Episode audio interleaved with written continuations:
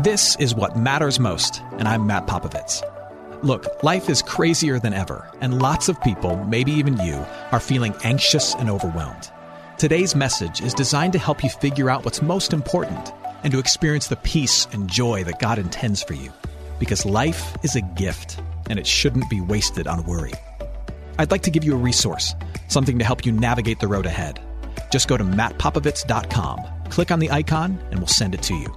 That's Matt, P-O-P-O-V-I-T-S dot com. And hey, if you happen to live in the Houston area, I'd love to see you on a Sunday morning at St. Mark in Spring Branch. Head to stmarkhouston.org to plan your visit. Here's today's message. Thanks for listening. Men, here is something that you need to embrace about yourself if you haven't already, and you need to begin teaching to your sons immediately. Here's the truth you were made to work. You were made, you were designed to go out into the world, conquer something, stay busy, and do something. Not in the home, not solely in the home, but primarily outside of the home. How do we know? We look at Adam. God took your great great great grandfather, he kicked him in the butt, he put him in the garden, and he said, Work and all of his grandsons, that's us, we have it hardwired into our souls to go out into the world and do something and conquer something. It's part of who we are. Before Eve was around, before the possibility of children was even an idea, before there was sin in the world, God said to Adam, Work. Uh, ladies, uh, this is why your nine year old boy can't sit still. This is why your, your, your, your son wants to go in the yard and build a fort. It's why he pees outside. It's why your husband gives him a thumbs up. Uh, this is why your husband, even though he is physically at home, he struggles not to have his heart and his mind at work. It's why he might need hunting trips and Best Buy trips. It's because he was wired to go out into the world, engage the world, and kill that animal running wild or conquer that latest piece of technology in the world. It's part of who we are. So when it annoys you, ladies, don't get mad at us, blame God, it's all his fault. right? It is part of who we are. Uh, one prominent sociologist, I'll quote him a lot throughout this series, he writes some fantastic stuff about maturity and masculinity. His name is David Gilmore. He writes that this idea of men going into the world to work, um, he says that it's so ingrained into the DNA of men that throughout cultures and throughout history, men have been judged as men based almost solely on one criteria. Not how effective their home is, but how effective they are in working in the world. Throughout cultures, there is a common question that men ask each other when they meet one another. They shake hands, they share names, and then the next sentence out of their mouth is what? So what do you do? You've had that conversation, haven't you? And no matter what the other guy says, he, he could say, I'm president. I have flown to the moon. I, I am an assassin and I kill bad guys. The other guy will hear that and say, huh, I could do that. that is part of who we are. We are wired to work. Now, if you went to Sunday school, if you've been hanging out here, we love to talk about Genesis. You know the other half of Adam's story. The story continues. Eve enters the picture. And rather than protect his family, as he's called to do, Adam allows Eve to be disturbed by the, by the serpent, who convinces both of them to eat from the tree that God had told Adam. He told Adam not to touch. It's not Eve's fault that they eat the fruit. It's Adam's. It happened on his watch with rules he was given. Right? And here is what happens as a result. Jump ahead now to Genesis chapter 3, start at verse 17. Because of his rebellion, Adam receives a punishment, what the church has historically called uh, a curse. A curse that flows to all of his sons, meaning all the guys in this room today. Life as a man would no longer be pure joy in the world. Life as a man, as a result of Adam's sin, is now a life of bruising self sacrifice. It's a life of pain. Last week, we, we talked about embracing the responsibilities uh, of being a man, uh, primarily that responsibility to, to care for the well being and, and, betterment of the, of the women around you and in your life. And uh, I talked to several guys who walked out of here and they were like high on masculinity. They were ready to kiss their wife and kill some bad guys. And according to God, in the garden with Adam, the life of a real biblical man is destined to be a life of backaches and burden, a life of, of blood and sweat. It's destined to be a life of pure sacrifice. Ask any guy in this room who is working for a living and who is honestly trying to balance the demands of, of, of, home and world, who is trying to, to you know, be the best in his field and also an attentive husband, uh, a present dad, a good son, uh, the kind of guy who will hold open doors, help a buddy, serve at church, and grab a gun if something goes bump in the night. Ask any guy who's, who's trying to live that out, and they will look at these words from Genesis 2 and Genesis 3, they will see that curse, and they will say, yeah, being a guy is great, but there are days when being a guy is incredibly painful. When it is a huge burden. And, and men, do me a favor and actually do yourselves a favor. And um, if you have a son, don't let him find this out on his own. Don't let him believe as he grows up that being a man is just about liking girls and going to work. Help him to understand as early as you can that, that because of sin, there's a curse involved in being a man. Because of sin, there is sacrifice involved in being a man. Help him understand that being a man means you are going to have to work harder than every other guy in your industry in order to get ahead. Help him understand that being a man means laying up at night wondering how you're going to pay bills. Uh, help him understand that, that at times he's going to have to come home late and have a conversation with his wife he wasn't expecting. And the next morning, get up early and take his kid to soccer when even Jesus is still asleep. Help him understand that, that being a man is a life of willingly taking burden on your shoulders, of sweating to the point of pain and blood and giving your all for the sake of other people. Help him know that now Help him understand that if being a man is tough, it doesn't mean you're doing it wrong, it means you're doing it right. Being a man is a life of bruising self sacrifice. Now, ladies, um, that does not mean that, that your life is, is easier. I'm not saying that at all. And I, I understand that, that as I stand up here and talk about how tough life is for guys from Adam on downward, that some of you are sitting there thinking, huh, tough. Try try breastfeeding the baby, teaching a, teaching a toddler how to go to the bathroom, um, making out a grocery list, and talking to your son's sixth grade teacher all at once while driving. try that. That's tough. And dangerous, I might add. But you're exactly right. No, here's the thing sin, brokenness, manifests itself differently for men than it does for women.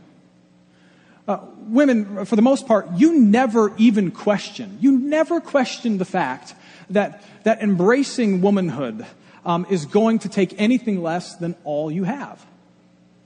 Uh, being a wife, being a mom, being a daughter, being a sister, you understand inherently that that is not only going to drain you, but it will consume you. And, and the vast majority of women, they know no other way to live their life than just all in at 100 miles an hour, being wife, mom, friend, sister. They hold nothing back. They let womanhood kind of consume who they are. Not so with guys. Not so. E- even though we might want to embrace responsibility, even though this life is, is a life of self sacrifice, one of the biggest temptations for us is to avoid sacrifice and instead to fight for, for self preservation. Even though we, we embrace responsibility, to try to do so in such a way that, that ensures we lose as little of our masculine identity or our blood and our sweat and our energy as possible. It's a battle between total self sacrifice, losing yourself in the call, and self preservation. Uh, let me illustrate this a bit. I, believe that this, this, this struggle with self preservation comes in two primary forms uh, for guys. Uh, first, you have guys who try to avoid the curse of sacrifice in manhood. And uh, they do so by trying to, to pursue some selfishness on the side. Um, this is the attitude that says, well, if I've got to give my all in being a husband and a father, then I'm going to have a little fun while I'm at it. It's the man cave that you escape to. Uh, it's the endless guy nights that you go to without your wife. Uh, it is the, the hobby you constantly retreat to. It's the, it's the club soccer league. It's the, it's the golf game that demands massive amounts of time and, and massive amounts of money. And the big secret inside of you is that you're not simply doing it because you enjoy it, but you see it as, as an escape from responsibility and, and really a way to preserve some of your masculine identity apart from your masculine responsibility. It's this, this thing inside of you that says, well, well, if all else fails, they're not going to get this from me. They're, gonna get my, they're not, they're not going to get the drinking with my buddies from me. No way I'm giving that up. They're not going to get my golf game. No way I'm giving that up. I got to have my golf game. Got to have my me time. Right? There's no way they're going to get me from sports. Ever. I love you. I will work for you. I will fight for you, but I will watch football. Preservation. And guys, let me tell you that that, that, that is a very dangerous attitude. It, it's dangerous because Every effort to escape those you serve comes at the expense of those you serve. They're the ones who foot the bill. Uh, likewise, because you see it as an escape from responsibility, it plants very subtle seeds of, of, of bitterness towards your responsibility. Especially when the day comes, and the day will come, that your wife, your kid, or your boss says, Hey, you know that thing you really like to do? it's kind of getting in the way. Uh, I, I, firmly believe, um, although you know it's really just my pastoral opinion, I firmly believe that that real biblical men should not they should not have have hobbies and passions that consistently pull them from wife and family and home. Should not. Now, that, that's that's just my thought. I don't, I don't have a, a, an explicit verse for that. I do believe it's biblical, and I do believe it's, it's gleaned from many, many conversations with, with lots of you and looking at my own life. But the only verse I have is Second Opinions, chapter 2, okay? But it never ends well. Ever. If you pursue selfishness on the side in any form, apart from the ones that you serve, it never ends well. Either, either you will end up despising your family because they make it so difficult for you to go have fun or your family will end up despising you because you're gone having fun. Or at worst, both will happen. And men, you have to understand that, that your desire to go have some selfishness on the side is, is something that you have to give up as part of your call to sacrificial living. It's part of what dies in order for you to be a man. It's a part of the burden that you bear, giving that up in order for you to fully and completely love other people. And the question is not if you'll give it up, but when. And whether or not it's going to be pried from your hands like a selfish child, or whether you will willingly lay it down at the altar of serving others better. Hey, friends, it's Matt. If you're listening to us in Houston, and you're looking for an excellent education in a Christian setting for your student, I'm inviting you to take a tour of St. Mark Lutheran School in Spring Branch. We serve infants through eighth grade with an excellent faculty, brand new facilities, and a faith forward curriculum. To schedule your tour, head to gostmark.org. That's G O S T M A R K dot org to schedule your tour today. St. Mark Lutheran School. It's excellent education for your son, your daughter, your little one. Now, back to today's message. A second way that men uh, choose to kind of preserve themselves rather than go all in and fully sacrifice for the responsibilities that they're bearing is that men will pursue laziness. And this is rampant. Uh, when I was uh, eight years old, eight year old boy, uh, I absolutely hated the idea of taking a shower or a bath. I did, like most eight year old boys. Like anything that would result in me being clean, I was against. Un- unfortunately, my mother had opposite ideas. And so she would send me upstairs uh, at the end of every night uh, to take a shower, take a bath. And so I'd go up there and say, okay, mom. And then I'd shut the bathroom door and I'd sit next to the bathtub. And I would just turn on the water and hang out for like 10 minutes. Then I would turn off the water, throw a towel around my waist, put some water in my hair, walk out and say, all done. But I still stunk. now, if you've had boys, maybe you've had that happen in your home. Some boys never grow out of that idea, that attitude towards life. Now, thankfully, I did. I smell nice. But some boys never grow out of that attitude. I like to call them bare minimum men. They do the bare minimum at home. I mean, they, they show an effort at home, but it's bare minimum. They fly under the radar at work. I mean, they do their work, but they just try not to be noticed. Not get a raise, not get fired, whatever. Just bare minimum. Uh, they go to church, but if you press them, they're really just here to pacify their wife. They do enough to get credit. He's a good guy. Enough to get credit, but not enough to break a sweat.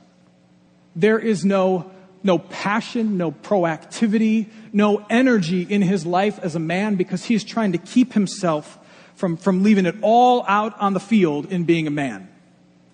And, and guys, if that's you, if you are bare minimum boy, if that's you, then what you need to understand is that you have fallen for one of the devil's oldest and simplest of lies.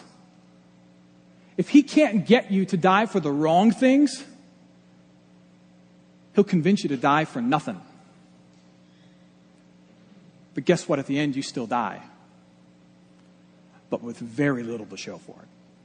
So men try to preserve themselves by having some selfishness on the side or, or some laziness in their life. It's all this attempt to, to avoid leaving it all out on the field in loving others and in owning their responsibilities. But as you might guess, the Bible points us in the exact opposite direction as men from self preservation to embracing self sacrifice. Turn now to 2 Timothy, deep in the New Testament.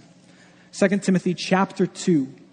Here you have Paul encouraging a young pastor who's going through some incredible burden in his life of engaging the world with the message of Jesus. Starting at verse 3, listen to the words that Paul uses to describe the life of a man living out his calling to bless the world. Listen to how much of a contrast it is to ideas like selfishness and laziness. Listen to this.